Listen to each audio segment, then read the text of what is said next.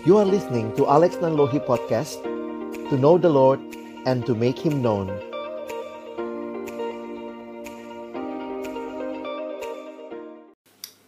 Baik, selamat malam teman-teman sekalian. Senang bisa ketemu lagi. Dan kesempatan malam hari ini saya dapat kesempatan berbagi tentang memuridkan generasi Z ya. Oke, saya kita sudah doa sih tadi ya. Jadi saya harap kita juga boleh sama-sama siap untuk ikut belajar firman sama-sama. Malam hari ini kita akan melihat uh, bagaimana sebenarnya menyikapi perubahan. Jadi sebelum bicara perubahannya sendiri, saya ingin punya dasar Alkitab yang baik untuk kita sama-sama memahami perubahan yang terjadi ya. Oke, tapi sebelumnya ya saya menyapa kembali. Selamat ketemu lagi teman-teman. Bolehkah saya tahu kabar kalian ya? Kalau bisa, nah teman-teman bisa lihat berikut ini ya. Nah, coba bagaimana saudara menggambarkan perasaanmu dalam minggu ini? Nah, coba teman-teman lihat pilih maksimal dua nomor ya. Yang mana yang paling menggambarkan perasaanmu dalam minggu yang baru saja berlalu ini? Nah, silahkan teman-teman bisa pilih dua nomor, nomor berapa sama nomor berapa, lebih dari dua juga boleh gitu ya. Silahkan, saya kasih waktu eh, uh, 30 detik, teman-teman bisa langsung memilih, tulis di kolom chatnya ya. Nomor berapa yang menggambarkan perasaanmu dalam minggu ini. Silahkan, saya menunggu yang mana yang teman-teman lihat kok kayaknya aku ini aku banget dah gitu ya ini saya banget gitu. Silakan. Mau pilih satu juga boleh. Mau pilih dua, ya maksimal dua lah ya. Sorry, berarti tadi maksimal dua, jangan lebih dari dua. Kebanyakan. Satu juga boleh. Silakan teman-teman. Nah, Bang Dani udah milih ya. Nomor satu. Yang lain bagaimana? Sian 1 dan 2 4 dan 8 Oke okay. Pernita 1 dan 8 Oke okay. Kak Kristina Pak Dedes 2 dan 7 Boleh uh, Abang dengar sebentar dari Sian ya Sian bisa cerita Kenapa pilih nomor 1 dan 2 ya Secara singkat saja Kenapa satu dan dua begitu kan? Ini kayaknya kan bertentangan. Satunya senang, satunya sedih. Gimana, Dek? berjalan sesuai biasanya nggak ada konflik atau apa terus hmm. untuk nomor satu ya untuk nomor dua itu lebih kepada kan sekarang udah zaman libur nih hmm. jadi banyak waktu untuk di rumah kayak ngantuk atau doing kayak me time sendiri kayak sering ngantuk hmm. sering tidur gitu gak ada ngapa-ngapain jadi lelah ya tidur ya tidur gitu itu aja sih bang oke okay. baik thank you ya uh, thank you buat teman-teman yang sudah sharing. Nanti kita nggak bahas khusus lah ya, tapi mau menunjukkan bahwa memang kita semua punya cerita di balik apa yang kita alami dalam minggu ini ya. Nah, saya mau ajak kita untuk masuk lebih lanjut. Sebenarnya materi ini pernah saya bawakan dalam konferensi pemuridan perkantas. Waktu kita waktu itu kita bicara tentang bagaimana uh, pesan yang tidak berubah. Kalau kita bicara Injil itu kan nggak berubah tetapi metode menyampaikannya itu mengalami perubahan demi perubahan terkait juga dengan apa yang kita akan lihat dengan generasi ya. Nah, bagaimana bicara perubahan? Satu bagian firman yang menarik di dalam Ibrani 1 ayat 1 sampai 2, saya bacakan buat kita ya. Setelah pada zaman dahulu, Allah berulang kali dalam pelbagai cara berbicara kepada nenek moyang kita dengan perantaraan nabi-nabi, maka pada zaman akhir ini ia telah berbicara kepada kita dengan perantaraan anaknya yang telah ia tetapkan sebagai yang berhak menerima segala yang ada. Oleh dia, Allah telah menjadikan alam semesta. Teman-teman, waktu memperhatikan ayat ini, ada dua kebenaran yang saya pikir perlu kita pahami. Yang pertama, bahwa Allah kita adalah Allah yang berbicara. Our God He is the God who speaks, ya. Dia Allah yang berbicara. Perhatikan tadi di ayat 1 ada kata-kata yang saya garis bawah ya, makin jelas kita melihat. Allah berbicara, Allah berbicara. Zaman dahulu Allah berbicara, zaman akhir ini ia pun berbicara.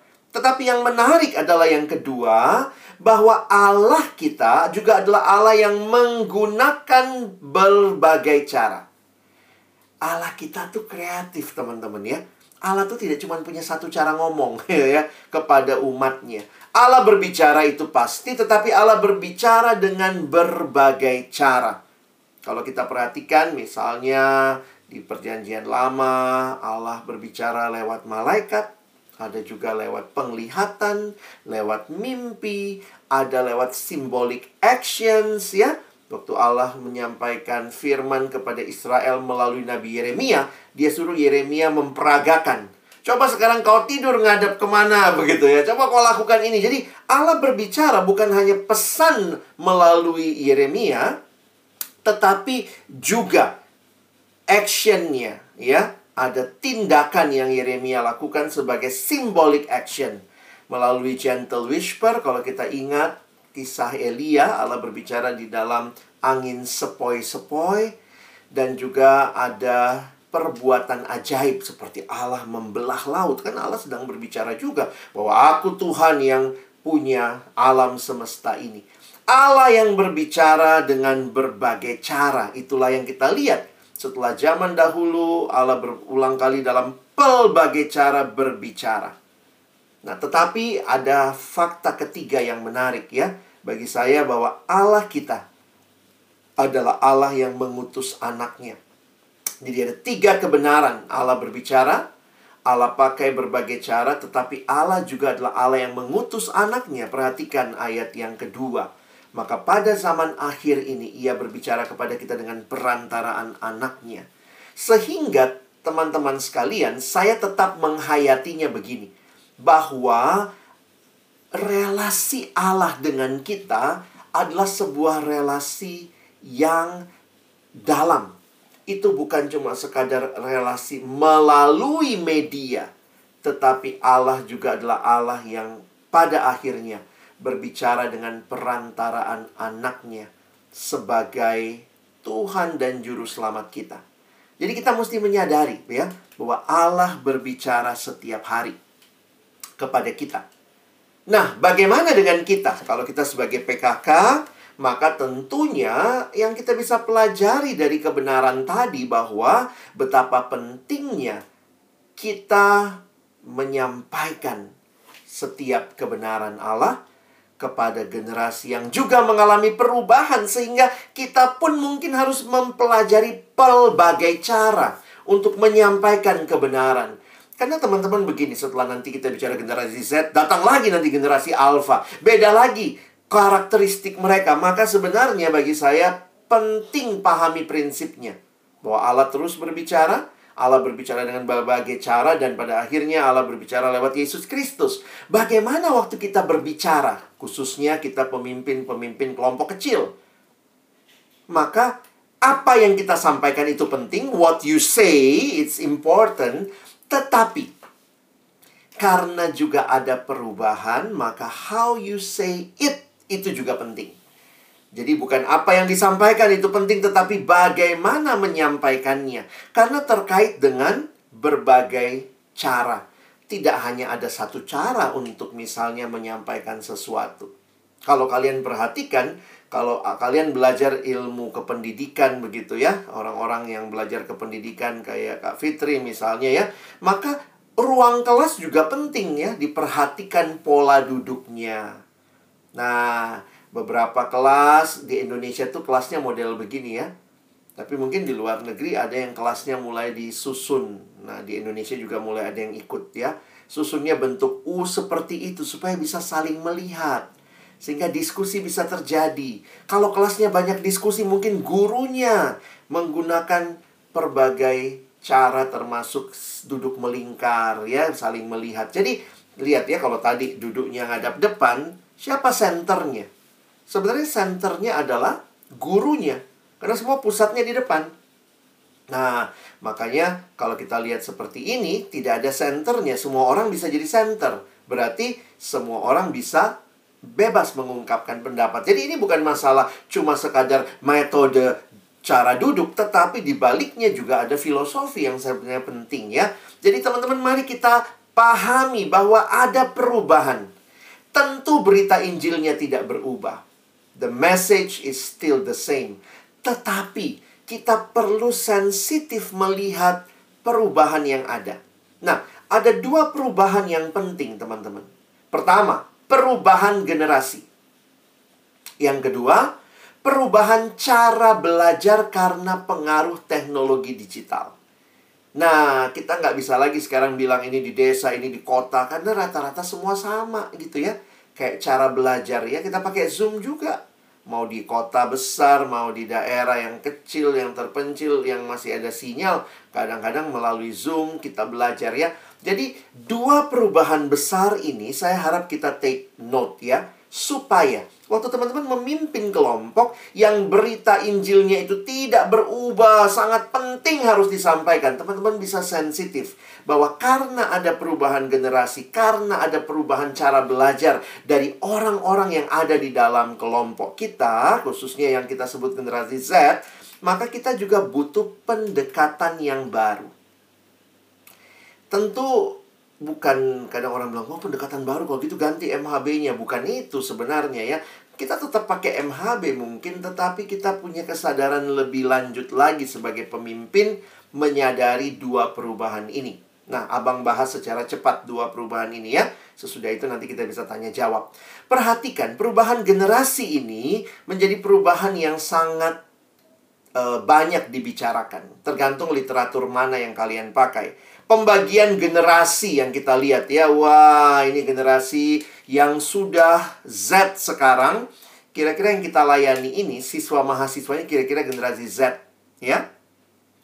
Nanti setelah mereka ini sudah mulai masuk generasi alpha. Nah, itu unik lagi, ada karakteristiknya. Nah, kalian bisa baca lah di banyak literatur ya, Abang tidak angkat secara khusus. Tetapi kalau kita perhatikan, sadari dulu bahwa memang ternyata ada banyak generasi. Khususnya buat kita yang sudah semakin tua. Kalian banyak alumni tadi saya dengar, yang mungkin gayamu adalah gaya generasi Y mungkin ya. Atau kalian mungkin ada di generasi Z awal, jadi masih banyak terpengaruh gaya-gaya yang lama. Teman-teman tentunya kita tidak bisa langsung bilang oh nggak boleh lagi dipakai gaya seperti itu. Kita harus sesuaikan tentunya ya.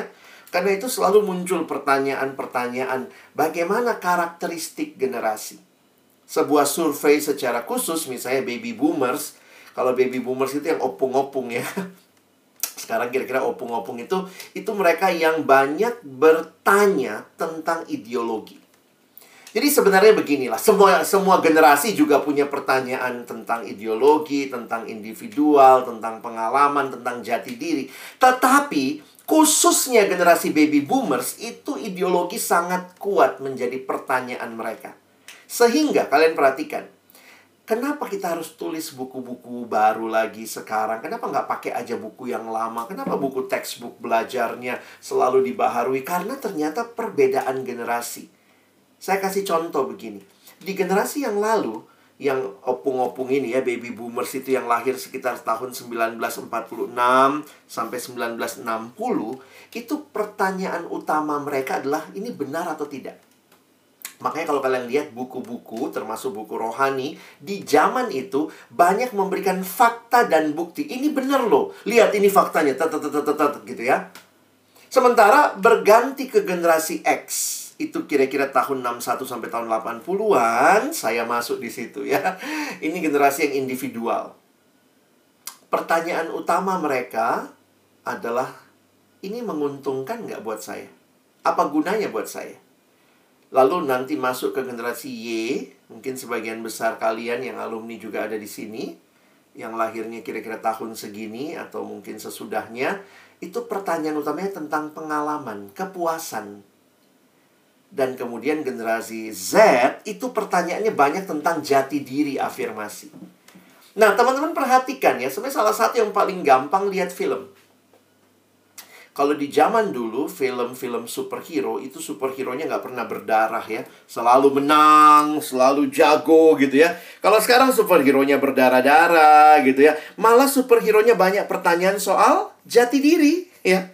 Aku ini anaknya siapa ya? Dari mana bapakku ya? Itu dimunculkan dalam film. Sehingga pertanyaan generasi ini adalah pertanyaan banyak tentang jati diri. Nah, teman-teman bisa bayangkan begini.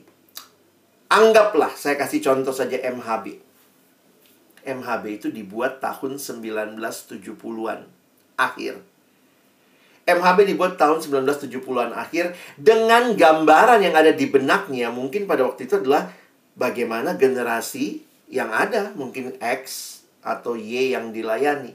Sementara kita masih pakai MHB, tentu kita nggak buang MHB-nya. Tetapi mungkin kalian perlu menyesuaikan pertanyaan-pertanyaan karena pertanyaan MHB itu mungkin pertanyaannya lebih bersifat ideologi mungkin ini benar, ini bagaimana, seterusnya. Ada kan bagian untuk diskusi. Tetapi ini generasi yang mungkin lagi bertanya tentang kalau saya ikut Tuhan, apa sih pengalaman yang saya perlu rasakan?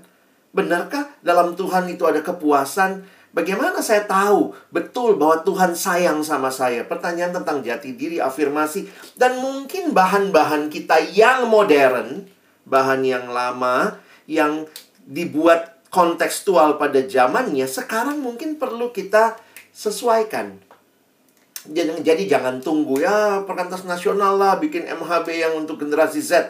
Kami juga lagi berjuang, tapi kalaupun itu belum ada, teman-teman harus berjuang di daerahmu. Lihat yang kamu pimpin, apa pertanyaan mereka, apa yang jadi pergumulan mereka dan cobalah membawa Injil yang tidak berubah itu dalam menjawab pergumulan mereka. Nah, jadi secara khusus teman-teman, kalau ditanya bagaimana berubah, jangan-jangan kita masih model PKK, model PKK zaman generasi X. Ayo nomor satu jawab, nomor dua jawab. Ya, bukan berarti itu nggak boleh, tapi apakah sampai situ aja? Kita perlu punya pendekatan yang lebih nyambung dengan generasi ini. Apalagi ada PKK yang sudah bilang, iya bang, kalau ditanya, jadi ada pertanyaan, diam apa sharingmu hari ini, Dek? Diam. Gimana dong, Bang? Nah, saya pikir kita perlu kenal generasi ini. Sebenarnya setiap orang pasti punya cerita. Kalau dia ditanya dia diam, maka mungkin kita salah nanya. Atau mungkin kita tidak nanya dengan bahasa yang dia mengerti. Sama lah, kau ketemu orang bule, nggak ngerti bahasa Indonesia, terus kau tanya, apa kabar? Dia diam. Masalahnya di, di mana? Bukan di orang bulenya, di kamunya. Kenapa kau nggak tahu dia bule? Harusnya nanya how are you, baru dia jawab begitu. Jadi masalahnya bukan di orangnya, tetapi jangan-jangan pertanyaan kita salah. Atau pertanyaannya betul, tapi bahasanya nggak nyambung. Nah, di sinilah saya pikir kita perlu kenali generasi ini. Teman-teman, saya juga makin sadar ya, baru beda 1-2 tahun aja, sudah beda bahasanya kadang-kadang ya. Sekarang bahasanya dulu saya ingat banget itu ya. Ada yang bilang, oh iya, iya kui, kui gitu. Apa itu kui? Saya juga bergumul, apa sih itu? Oh itu yuk gitu ya. Ayuk ya, kui dibalik dari belakang dibaca. Sehingga akhirnya dari situlah kemudian sekarang kalau kita lihat udah udah jadi basi juga kan. Wah datang ikut persekutuan kui gitu ya. Join kui gitu. Lalu kemudian ada bahasa-bahasa baru lagi yang kalau kita mau bicara kepada generasi ini, Mungkin kita perlu bicara di generasinya dia. Anak sekarang pakai kalimat apa? Healing, healing. Wah, lagi banyak healing nih. Maka mungkin kita perlu juga bertanya, kalau healing kamu ke mana? Wah, gitu ya. Kenapa? Itu bahasa yang mereka mengerti. Jadi bukan cuma pertanyaan, apa yang Anda lakukan ketika Anda mengalami depresi? Ya, anak sekarang bahasanya gampang, healing misalnya ya. Oh, saya ke Indomaret. Healing Indomaret, Indomaretnya dandan gitu ya. Nah, itu kan mungkin hal-hal yang kita tahu generasi ini bicaranya dengan bahasa itu. Nah, makanya ada satu pendekatan ditulis dalam sebuah buku, yaitu pendekatan epik. Dia mau memberikan pemahaman kepada kita betapa pentingnya kita punya penghayatan bahwa ini generasi yang epik. Apa sih epik itu? Pertama, itu singkatan dari experiential. Ini generasi yang senang dengan mengalami ketimbang hanya mendengar. Jadi maunya mengalami, lalu partisipatori, maunya berpartisipasi, maunya berkontribusi. Lalu kemudian ada yang namanya image driven, di drive oleh image, Dan ini generasi yang connected, yang mau terhubung. Dan teman-teman tahu, siapa yang paling jago membaca generasi ini dari sisi epic? media sosial. Media sosial itu prinsipnya epic, experiential. Kamu lihat foto di Facebook, kamu lihat foto di IG, maka bukan cuma itu, tapi kemudian dia bikin sekarang ada reels, ada story, karena bukan cuma foto diam, maunya experience. Wah, Citayam Fashion Week. Wah, ditunjukkan bukan cuma fotonya tapi lihat si bonge jalan apa gitu ya. Nah, itu ada experiential, ada participatory. Kita bisa melike, kita bisa tulis komen, kita bisa kasih stiker, kita bisa kasih respon itu participatory. Image driven, di drive oleh image. Makanya lihat ya, rata-rata media sosial itu tambah terus apanya? Stikernya. Karena ini generasi yang bicara lewat stiker, lewat image. Dan terhubung. Jangan lupa tag aku ya. Satu yang foto, seribu yang di tag. Karena semua maunya terhubung. Ini generasi yang seperti itu. Dan sedihnya, pelayanan Kristen atau gereja kurang membaca ini. Kita melayani generasi muda, tapi gayanya masih saya ngomong kau dengar. Dia mau partisipasi, dia enggak, diam kau gitu ya. Saya bicara, kau dengar. Sehingga yang terjadi adalah bisa jadi kita nggak nyambung. Kelompok kecil jadi membosankan, anaknya jadi diam. Padahal bukankah generasi ini generasi yang senang berpartisipasi? Loh, kalau dia diam berarti ada yang salah. Salahnya bukan di bukan di dianya. Jangan-jangan cara kita mengajak dia berpartisipasi nggak benar, nggak tepat. Ya, nah coba teman-teman lihat ya. Misalnya seperti ini nih, epic ya, experiential, participatory, image driven. Tadi abang sudah coba sama teman-teman. Paling tidak sebagian besar dari kalian menulis. Saya tanya tadi, ini saya lagi experience. Kalian bicara dengan image kan? Ada bang, adik kelompokku ditanya apa kabar, diem. Gimana kau minggu ini? Coba sharingkan dek, diam. Tapi begitu saya berbicara bahasa kalian, kira-kira begitu ya. Bagaimana perasaanmu minggu ini? Suruh dia pilih nomornya misalnya. Sesudah dia pilih nomornya, baru kita tanya, kenapa kau pilih nomor itu? Terjadilah sharing itu. Adik kelompokku kalau aku tanya apa kabar bang, dia diam. Karena mungkin kamu nggak bicara bahasa dia. Ini bahasa, ini ini generasi yang bicara dengan simbol. Makanya saya suka pakai gambar-gambar begini ya. Apa kabarmu hari ini? Begitu ya. Nah, bagaimana meresponi belajar MHB hari ini? Misalnya habis belajar MHB, minta mereka setelah kau belajar materi ini, coba pilih satu stiker yang bisa menggambarkan apa sih yang sebenarnya kau syukuri dari anugerah keselamatan yang kau terima. Kadang dia nggak bisa berkata-kata bagus-bagus gitu ya, tapi dia bisa membuat stiker, dia bisa share. Coba sharingkan apa yang kau dapat hari ini. Buatlah story yang men menyatakan syukurmu untuk bab yang kita pelajari hari ini. Jadi kadang-kadang bahasa yang perlu, yang nyambung, yang epic itu membuat kita terhubung. Kalau di masa lalu, nah ini ada satu juga ya, masalah pendekatan. Di masa masa modern, modern itu selalu mulai dengan fakta. Nah, ini memang cara belajar yang lama ya. Fakta dulu dikasih. Kalau sudah fakta baru kemudian apa yang dipercaya, belief baru dari belief jadi behavior. Itu pola belajar yang lama. Makanya diajarkan faktanya dulu. Sama lah, kita juga suka gitu. Kenapa kelompok kecilnya nggak jalan? Oh, karena dia nggak tahu pentingnya kelompok kecil. Kasih pembinaan. Apa isi pembinaannya? Fakta. Wah, kelompok kecil itu penting sekali segala macam. Tapi anak sekarang kadang-kadang dia belum dapat beliefnya. Dia bisa dapat experience-nya dulu. Experience, lalu itu mengubah influence behavior, lalu influence belief.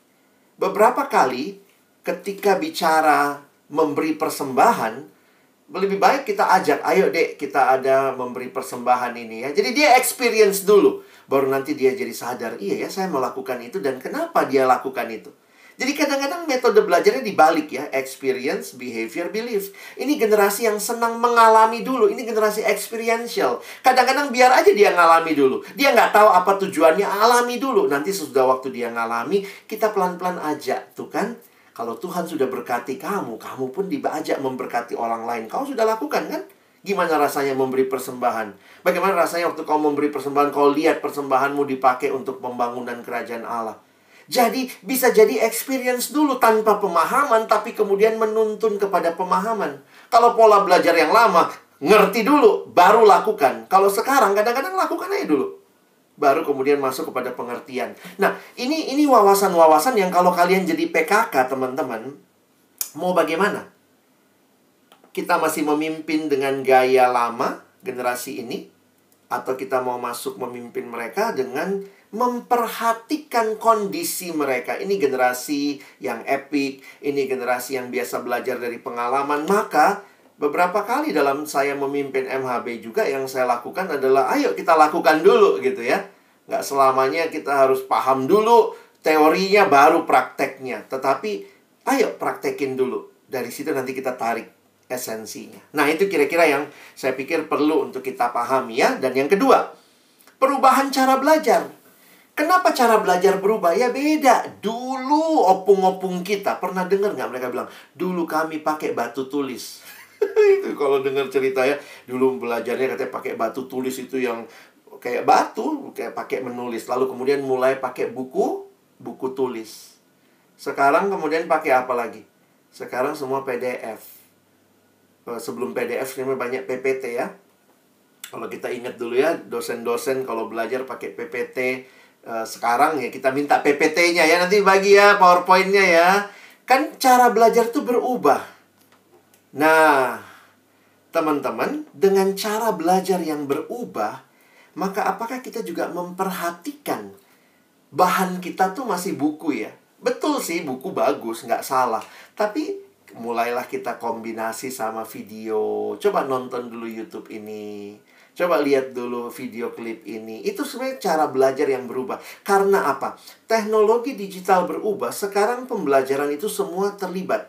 Audio visual, auditori begitu ya. Jadi ada digital generation gayanya beda. Saya lagi berpikir mungkin 2-3 tahun uh, ke depan orang tuh kelompok kecilnya nggak pakai buku lagi tapi langsung misalnya di aplikasi kita langsung satu sama lain begitu ya terhubung. Begitulah polanya. Dan kita mesti menyiapkan generasi ini.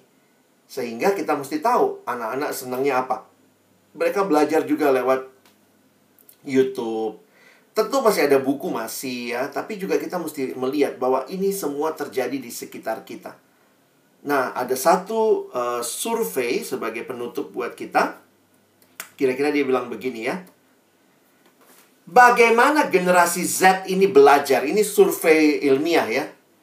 Generasi Z itu belajar ternyata cuma 12% itu untuk mendengar ya yang paling kanan. Melihat itu 38%. Tetapi 51% mereka belajar lewat apa? Melakukan. Atau ikut melakukan. Melalui lihat pola. Makanya lihat anak sekarang belajarnya apa? Kalau zaman opung-opung kita, begitu beli benda elektronik, langsung dia baca buku manualnya. Diam si opung ya. Langsung diam di samping HP baru dia baca buku manualnya. Itulah zaman opung-opung bapak mamamu belajar ya. Kalau anak sekarang langsung cari di YouTube tutorial cara menggunakan cara setup HP ini. Jadi dari mana dia belajar? Bukan baca, tapi lihat. Apa yang dilihat mungkin YouTube dan segala macam. Nah itu poinnya. Kalau kita melayani generasi ini, nggak masalah juga. Kita akhirnya mungkin pakai video, pakai yang lain. Karena itulah caranya mereka belajar. Jangan bilang marah lagi kayak zaman dulu ya. Saya ingat tuh. Kalau nggak bawa buku MHB, pulang kami. Disuruh pulang sama PKK. Pulang kau. Ih, kesedam kali. Sekarang, kalau dia nggak bawa MHB, nggak apa-apa. Dia minta temennya. Tolong fotokan dulu. Nanti dia buka di HP-nya. Nggak ada masalah dengan hal itu. Bahkan mereka bisa mungkin belajarnya bisa le lewat hal yang lain lagi. Jadi kita mesti kreatif melihat gaya belajar dan bagaimana menolong mereka belajar. Nah, jadi teman-teman, ini yang generasi ini sedang alami. Kalau kita zaman dulu ya, nah ini sebagai slide terakhir. Bagaimana perubahan pola belajar? Kalian perhatikan ya.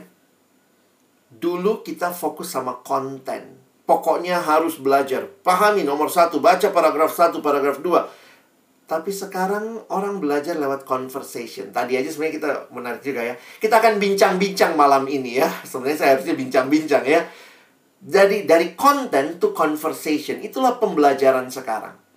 Dari consumption to creation. Jadi kita ajak mereka menciptakan sesuatu. Kenapa? Karena kita tahu kalau dia menciptakan sesuatu, dia melakukan, dia bahkan lebih banyak belajar. Makanya saya lihat beberapa sekolah kalau kalian ibu-ibu guru, bapak ibu guru di sekolah, coba bikin dari materi hari ini, coba kalian bikin video. Jadi anak-anak sudah belajar, tapi disuruh lagi bikin video. You have to create something because when you create something, you learn something. Waktu kita kelompok kecil mungkin juga kita bilang gitu. Coba setelah kita belajar hidup baru hari ini, coba kalian bikin video tentang hidup baru. Dia akan belajar lagi. Ya apa tadi kata Bang Dani ya? Oh tentang itu ya. Oke deh, nanti aku masukkan di videoku. Waktu dia lakukan dan menciptakan sendiri, dia pasti ingatnya lebih lama. Ya? Nah, dulu kita bicara correct, ini benar atau salah. Tetapi sekarang itu adalah sebuah proses, makanya from correct to correcting. Nggak apa-apa masih salah-salah dulu. Nggak apa-apa juga. Dia belum terlalu mengerti, nggak apa-apa. Biar aja dia ngalamin. Tapi pelan-pelan nanti dia makin belajar. Dari dulu kontrol, harus begini begitu. Sekarang izinkan. Mungkin mereka pola belajarnya nggak apa-apa salah dulu. Dalam arti ya, salahnya bukan salah yang fatal ya. Tapi memberi ruang buat mereka. Sehingga pada akhirnya itu jadi sesuatu yang lebih kelihatannya chaos ya. Tapi itulah cara belajarnya generasi ini. Nah teman-teman, saya berharap pemahaman ini mewarnai ketika kalian sedang memimpin bahwa yang kalian pimpin adalah sebuah generasi yang berubah. Cara mereka belajar berubah, generasinya juga berubah, maka Injil yang sama bahan yang mungkin belum bisa kita ubah secara nasional masih pakai MHB terbitan tahun 70-an atau bahannya dibuat tahun 70-an disempurnakan waktu itu tahun 2000 sekian tetapi sekarang kalian harus kreatif. Mungkin menambahkan video di dalamnya, mengajak mereka nonton, mereka lihat ini, baca ini dan itu, kasih link, tapi kemudian kita ajak mereka untuk mempelajarinya sebagai bagian hidup mereka. Nah, itu yang saya mau sampaikan supaya teman-teman makin sadar bahwa kita sedang melayani generasi yang berubah. Kenapa kita berubah? Ya Allah kita aja pakai berbagai cara kok. Jangan kita bilang, saya dulu dipimpin model begini. Allah kan tidak berubah dahulu, sekarang, selama-lamanya. Enggak. Allah tidak berubah. Pesannya tidak berubah, tapi Allah kreatif dan menggunakannya untuk membawa firman kepada manusia. Amin. Saya berhenti sampai sini.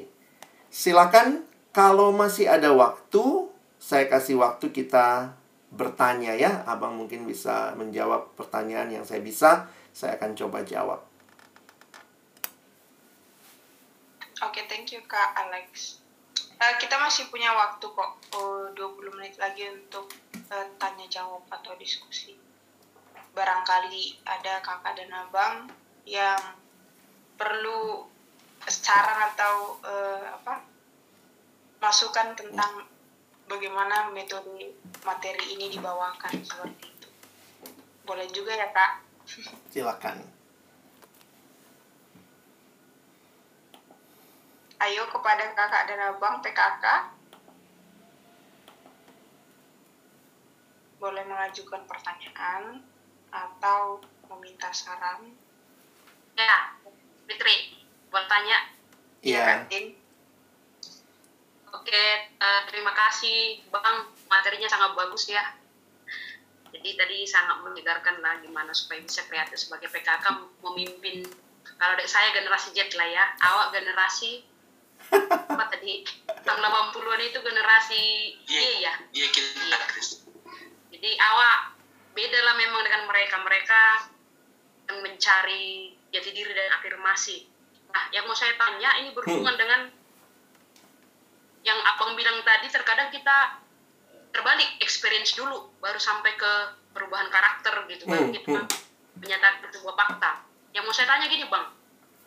Kalau kayak saya sendiri kan memimpin adik-adik kelompok itu di PHB itu saya bisa sampai satu bulan itu atau dari pertemuan satu bulan sampai benar-benar saya menekankan apa sih keselamatan betapa pentingnya keselamatan. Jadi nggak sampai saya meyakini mereka paham saya nggak pindah-pindah gitu dari bahan hmm, hmm. dari PHB 1 PHB 2 jadi terkesan bahannya itu lambat gitu Mm. uh, dan saya berpikir seperti ini bang kalau saya masuk nanti ke MHB ternyata mereka belum lahir baru Hmm. belum hidup baru bagaimana mungkin mereka bisa meresponi untuk berdoa bacaan Mm-mm, kita mm-mm. mereka kan belum lahir bagaimana mereka bisa bertumbuh Mm. itu yang saya pikirkan sehingga banyak berkutat di ini dulu dituntaskan dulu sampai mereka berharap lahir dulu mengalami perjumpaan dulu dengan Tuhan gitu sementara di sini abang bilang "Nggak apa experience dulu Hmm. gimana menurut abang dengan yang saya ini eh, yang saya kerjakan gitu ada saran Hmm. atau gimana ya tepatnya bagusnya gitu Oke. Terima kasih ya, ini pertanyaannya sangat bagus dan ini juga pertanyaan saya cukup lama. Karena saya dipimpin dalam generasi yang lama yang harus eh, pembinaan itu kita lihat seperti step. Harus jelas dulu dasarnya baru boleh naik kelas. Nah, tapi saya pun melihat Tuhan Yesus nggak gitu-gitu juga ya. Kalau kita bilang kita lebih rohani dari para rasul, nggak juga lah ya. Sebenarnya kalau kita mau jujur ya, Yesus pegang kelompok kecil tiga tahun, hasilnya Petrus yang menyangkal loh. Petrus menyangkal itu. Apakah dia sudah lahir baru? Memang unik ya. Nah, ini masalah bahasa lagi ya. Di dalam teologi Injili, kita itu menekankan lahir baru dengan sebuah step harus lahir dulu, baru kemudian. Tapi sebenarnya kalau kita perhatikan Tuhan Yesus, nggak gitu-gitu amat Tuhan Yesus. Kelahiran baru itu sebagai sebuah proses. Akhirnya saya punya kesimpulan begitu.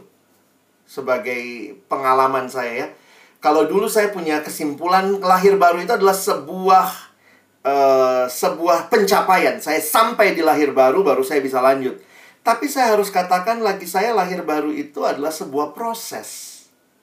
Bahkan mungkin ketika saya sudah begitu lama berjalan sebagai orang Kristen, saya masih bertobat lagi. Bertobat dalam arti saya sebenarnya bukannya masalah terima Yesusnya, tapi pertobatan yang terus-menerus.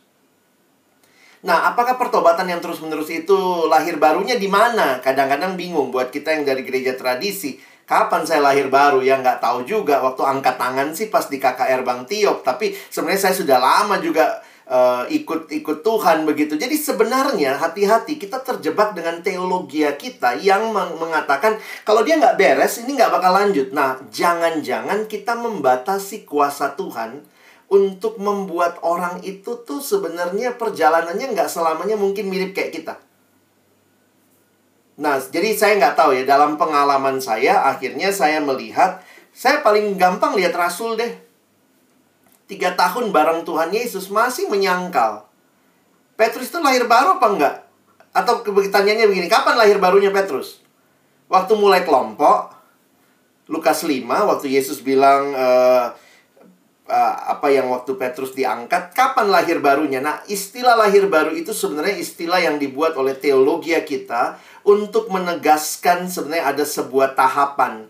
Nah, akhirnya saya secara pribadi lebih melihat kehidupan rohani itu bukan seperti tahapan naik kelas, tapi lebih seperti spiral. Nah, ini yang membuat saya juga terbuka. Maaf ya, mungkin saya jadi agak beda dengan teman-teman. Saya kadang terbuka juga loh kalau ada orang di Kemrek tapi baru bertobat di situ.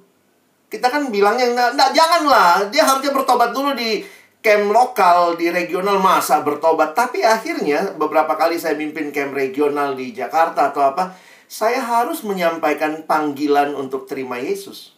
Kenapa? Saya nggak bisa batasi kuasa Tuhan. Jangan-jangan memang dulu dia cuma ikut-ikutan aja angkat tangan. Tapi dia benar-benar tanda kutip terima Yesusnya itu waktu di camp regional nggak masalah juga. Sudah ketua PMK bisa nggak belum lahir baru? Dalam perspektif kita. Bisa-bisa aja. Kata siapa nggak bisa? Rasul aja kayak Petrus masih bisa jual Tuhan Yesus. Maksudnya gini, jangan menandai orang hanya dengan satu peristiwa tapi jangan juga meniadakan peristiwa itu. Saya tetap yakin bahwa memang ada titik awal, tapi titik awalnya itu kadang-kadang beda sama settingan kita. Titik awal kita kan di camp lokal tuh bertobatnya. Kalau camp regional dia naik kelas gitu.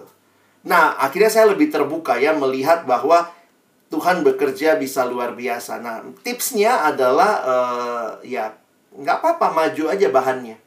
sambil maju tetap tanya, kau sudah sungguh-sungguh dalam Tuhan nggak? Saya ketemu banyak alumni sekarang ya.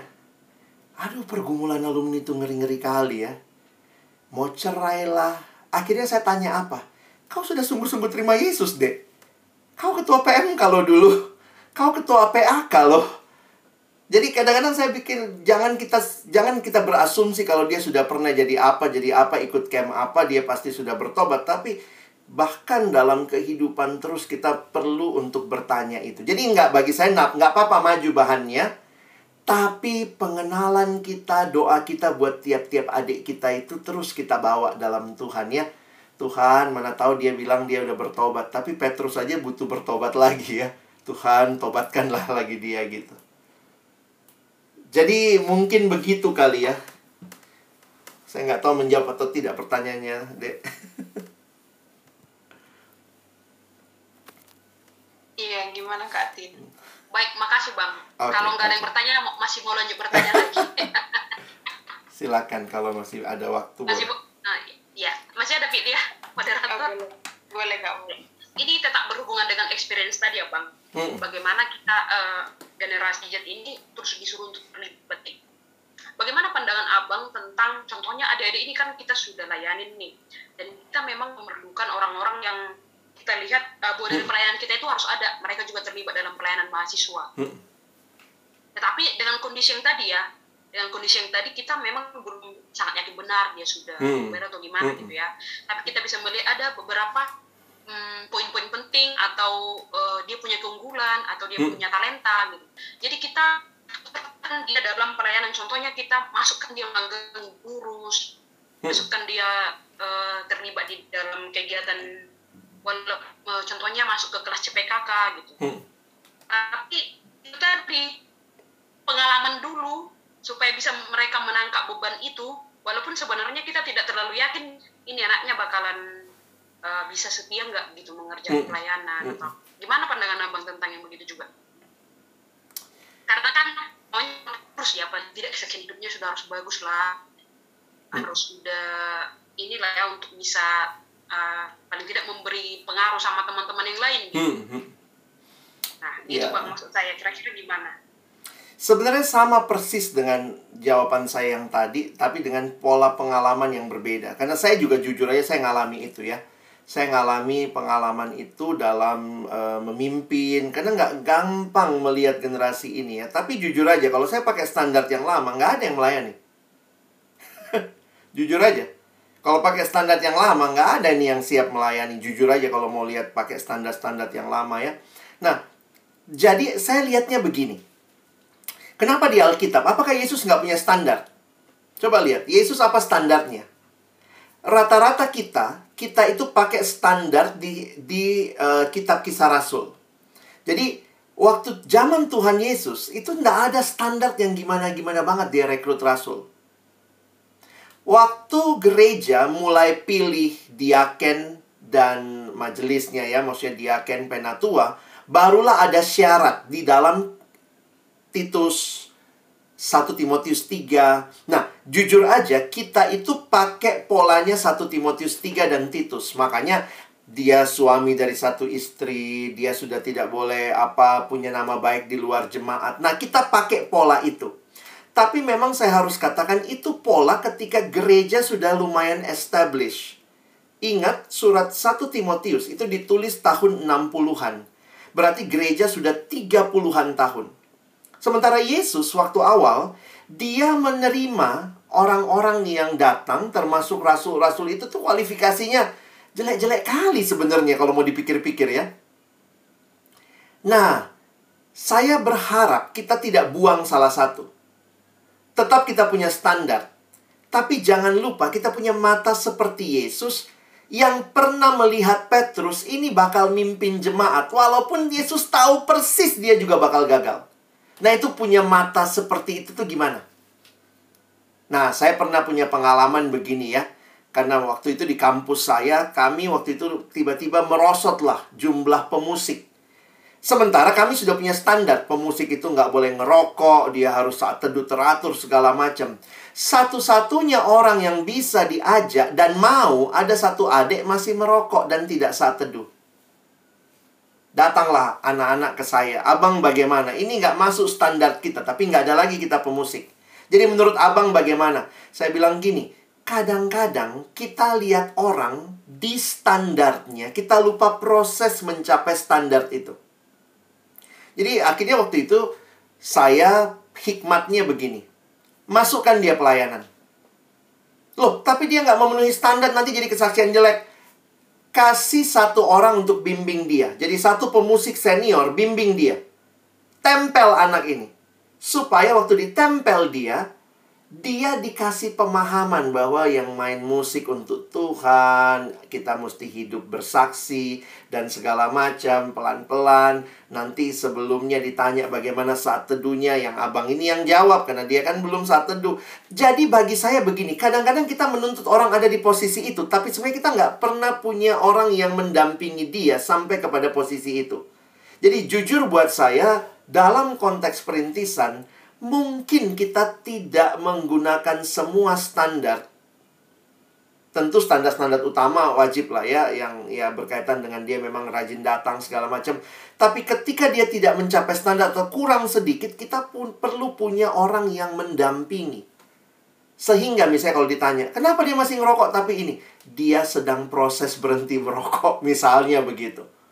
Tapi kalau itu ternyata mengganggu sekali akhirnya gara-gara dia melayani orang jadi ah pemusik aja ngerokok semua jadi ikut ngerokok. Saya pikir sih kita perlu bijaksana juga. Jadi memang tarik ulurnya ada di kita ya. Cuma bagi saya begini, jangan-jangan banyak orang yang nggak pernah menikmati merasakan pelayanan hanya karena standar kita yang kita nggak buka untuk orang-orang yang kalau Tuhan makanya saya pernah bilang gini ya bercandanya ya ini kalau Tuhan Yesus juga datang di kampus kita, belum tentu juga Tuhan Yesus boleh melayani ya. Gondrong rambutnya. Gondrong dia. Nggak boleh itu melayani. Jadi itu yang kadang-kadang teman-teman mesti ingat hati-hati dengan standar-standar yang kita buat. Kalau itu nggak terlalu alkitabiah, sebenarnya itu bisa dipertimbangkan. Kemarin ada yang tanya sama saya, bagaimana ini kak? Pengurus kok rambutnya warna-warni? Bingung kan? Saya terus saya bilang kalau buat saya sih masalah warna rambut nggak ada kaitan terlalu jauh sama iman. Tapi kak, berarti kan dia nggak terima dirinya. Saya bilang kau aja pakai lipstick. Kenapa kau nggak terima dirimu? Pakai aja merah, tonjok aja bibirmu biar merah. Jadi kadang-kadang hati-hati. Standar-standar yang begitu yang kita buat-buat itu yang kadang-kadang membuat orang akhirnya exclude dari pelayanan. Mungkin begitu kali. Nggak tahu lah menjawab apa enggak ya. Silakan Dan.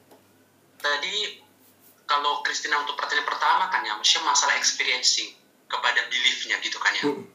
Nah, tentu kan kalau maksudnya kan Kak Alex tadi kalau nggak apa ya, maksudnya yang aku pahami begini. Uh, tentu kan dari experience masuk kepada behavior kan ya. Di behavior kan kita bisa cermati. Mungkin ada orang yang secara knowledge dia tidak bisa memaparkan dengan baik gitu. Tapi ketika kita cermati, no, uh, behaviornya dia, perilaku dan juga tindakannya ada hal-hal yang menunjukkan bagaimana dia mengalami keselamatan itu. Hmm. Sebenarnya nanti itu akan kita diskusikan di kurikulum sih. Oh gitu. iya, profil ya. Hmm. hmm. Jadi uh, behaviornya adakah yang, yang sudah berubah? Yang dulu ngomong barbar, sekarang jadi sudah mengalami perubahan. Aku yakin dah, dari malam kami cerita dengan Samuel, iya. Hmm. Dulu dia adalah seorang perompak, pencopet, dan juga pencamper adalah teman kelompok mereka. Hmm bahkan sadisnya mereka nabrak anjing supaya menabrak anjing itu mati lagi mundur lagi ke belakang ditabrak lagi ditabrak berkali-kali. Sekarang eh, setelah mereka apa katanya gitu? Hanya menabrak uruk aja pun mereka udah berinding nah tentu kan behavior yang seperti itu kan bisa lah menjadi indikasi. Gitu. Itu yang pertama. Yang kedua sih kalau aku tadi menawarkan yang untuk yang kedua sih Chris aku berharap aku memikir sih adalah kita punya alternatif toh. Maksudnya gini ada memang menurutku ya ini menurutku ada hal-hal yang memang ya, contohnya misalnya untuk jadi pemimpin kelompok. Gitu. Tentu kan memang dari pengajaran dari dokter udah ya harapannya memang ya kita berharap udah baik lah dia. Tapi mungkin kita bisa kasih pilihan contohnya misalnya apakah terlibat dalam kepanitiaan. Maksudnya level pelayanannya mungkin kita bisa libatkan gitu.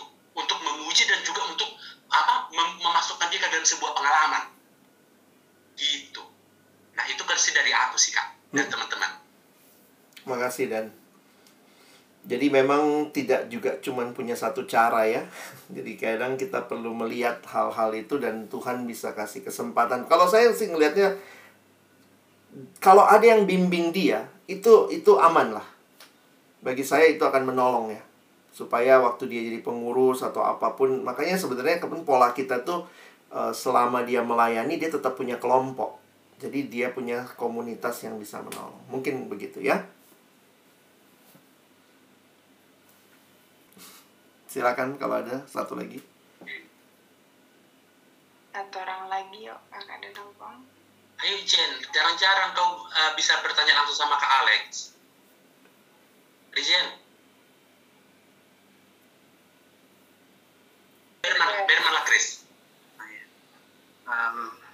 makasih Bang Alex buat paparannya Bang, sangat uh, menarik ya, pengetahuan baru sih. Ah, jadi Bang, sebenarnya saya itu nggak uh, sekarang posisinya nggak jadi PKK, cuman uh, baru di tahun lalu saya memimpin CPKK Bang. Hmm. Hmm. Jadi memang yang saya dapat itu adalah adik-adik itu memang kondisinya secara teori mereka paham gitu. Hmm. Nggak tahu itu masuk generasi apa kurang tahu juga. Iya, iya. Kalau dibilang afirmasi atau apa, ada juga. Cuman yang ku tahu mereka itu kayak eh, apa namanya? eh eh, apa namanya bang? Kayak generasi yang memang pengen eh, diha bukan dihargai, tapi kayak diterima gitu. Iya, Posisiku betul. sekarang ini dan aku pengen diterima dengan posisiku seperti ini Hmm. Hmm. kayak gitu jadi mereka itu ya teori mereka bisa gitu tapi Hmm. bagaimana mereka benar-benar uh, kita bertanya tentang bagaimana di uh, hidup bersama-sama dengan Tuhan gitu kan bagaimana kalian bersatu itu nggak dikerjakan gitu Hmm. jadi nah, itu itu pun dulu sebenarnya ada tapi sekarang masalahnya orang-orang yang udah kita harapkan pun nantinya menjadi PKK pun masih kondisi seperti itu dan satu lagi bang Hmm. uh, yang tadi nyambung dengan kurikulum itu bang Hmm. Jadi kadang-kadang kan kurikulum pelayanan itu kan ibarat kayak patron kita lah. Kira-kira kita mau mengukur nih sampai di mana sih sebenarnya eh, kualifikasi adik kita ini. Hmm. Apakah dia masih pertemuan baru atau dia udah menjadi pemurid seperti itu.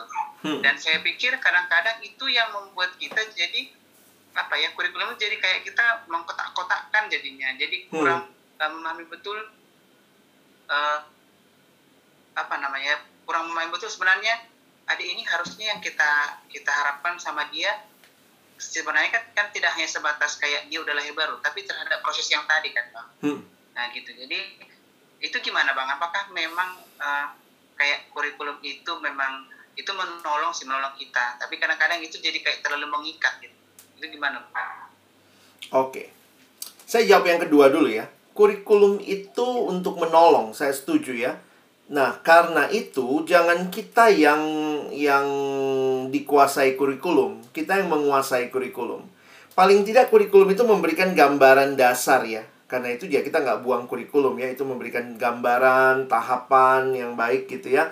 Nah, yang kita harus waspadai adalah ketika orang itu nggak sesuai dengan kurikulum kita, tapi kita dikasih mata oleh Tuhan untuk melihat potensi dia, dan kita juga, nah ini balik lagi ya, kita mau nggak memberi diri untuk orang itu. Saya kasih contoh sederhana. Sekolah tuh punya kurikulum. Teman saya masukin anak ke sekolah, anaknya itu nggak bisa belajar karena mungkin kurikulumnya nggak pas, mungkin teman-temannya nggak pas, sehingga akhirnya anaknya nggak mau sekolah. Apa yang teman saya lakukan? Dia belajar homeschooling, akhirnya anaknya dia homeschoolingkan. Nah, teman-teman jangan kemudian gini, kalau orang ini nggak masuk kurikulum kita, nggak mencapai tahapan ini, kalau memang Tuhan kasih beban kita untuk anak ini, saya pikir Tuhan akan kasih kita cara juga untuk melayani dia. Nah, itu yang saya dalam pengalaman melihat beberapa ketika kurikulum, karena gini, kurikulum itu mungkin berhasil untuk 100 orang, tapi ternyata ada tiga orang nggak bisa dengan kurikulum itu. Atau nggak pas dengan kurikulum itu. Nah, teman-teman akan dikasih mata harusnya oleh Tuhan, kalau memang kita punya beban memimpin, melihat. Kayak bayangkan, Thomas itu masih peragu, masuk kurikulum nggak itu ya? Eh, Petrus menyangkal. Petrus uh, sombong begitu. Sebenarnya nggak masuk kurikulum kita ya kalau kita tahapin. Memang akhirnya kita buat tahapan itu untuk menolong sebenarnya. Karena kan kita pelayannya singkat sekali ya. Tapi ketika orang tidak seperti dengan kurikulum yang kita buat, kita mesti terbuka juga. Nggak apa-apa kok orang nggak sesuai kurikulum itu. Yang jelas adalah ketika dia dia kenal Tuhan, ada yang bimbing dia dan menolong dia mungkin melewati jalur yang tidak sesuai dengan orang lain yang lewatin kurikulum. Ya nanti kalau kalian punya anak kalian ngerti lah ya nggak semua anak dipakein kurikulum yang sama akan jadinya sama ya begitu lihat bang Dani ya. Setiap anak itu unik dan karena itulah kita mesti kenali keunikan mereka. Nah itu yang kedua. Nah yang pertama sebenarnya tadi ya kalau saya memperhatikan saya balik lagi kepada uh, pentingnya orang yang punya hati untuk orang lain. Kalau kalian melihat misalnya ya, adik-adik ini tidak mencapai standar kualitas, bagi saya begini ya, uh, kita mau nggak extra mile ya? Kita yang mimpin, extra mile buat dia. Ini harusnya saat teduh teratur, tapi kok ada ini nggak saat teduh? Sebenarnya kan poinnya adalah bukan cuma di adeknya. Kamu memberi dirimu nggak untuk mendampingi dia bersaat teduh. Prinsip melayani generasi sekarang, nah ini ini bedanya ya. Kalau zaman dulu kita ya, ini ada peta misalnya, ada peta ya. Ada peta, dikasih lah sama PKK kita. Kau lihat peta ini ya. Nah, lihat ini jalannya lewat sini, lewat sini. Nanti kita ketemu di ujung sana ya. Ke sana kita ya. Kau ikuti peta ini itu generasi yang lama. Kalau kita melayani generasi lama, kita cuma kasih petanya, lalu dia akan berjalan sendiri ke sana. Kalau generasi sekarang, gambarannya begini. Kita kasih petanya. Kalau lihat ini petanya, ini tujuanmu ke ini, titik ini. Oke? Ayo kita jalan sama-sama ke sana. Beda ya. Kalau kita yang dipimpin, dulu saya mikir gini. Dulu itu PKK saya juga jarang itu kontak-kontak saya Kok kayak sekarang itu PKK harus rajin kontak-kontak, harus rajin tanya apa kabar. Saya kalau sekarang, kalau PKK saya mungkin dinilai seperti sekarang, nggak gitu PKK saya dulu. Tapi generasi sekarang itu perlu ditemani jalan. Nah, teman-teman, di situ mungkin kita dituntut lebih. Makanya saya saya punya teman, adik kelompoknya tuh nggak nggak saat teduh. Nggak saat teduh, minggu ini nggak saat teduh, minggu depan nggak saat teduh, minggu ketiga dia nanya, di mana kosmu dek?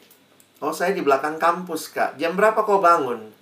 Aku bangun jam 6 pagi kak. Oke ya besok kakak datang jam 6 saat teduh sama kita. Itu namanya kita pemimpin. Itu namanya kita memberi extra mile bagi orang itu. Jadi jangan cuma begini, ini nggak sampai kualitasnya, nggak bisa jadi pengurus ini, nggak mau saat teduh dia. Pertanyaannya, untuk menolong dia saat teduh, apa upaya yang teman-teman sebagai PKK sudah lakukan? Tapi aku dulu nggak digitukan, digitukan kali sama PKK aku.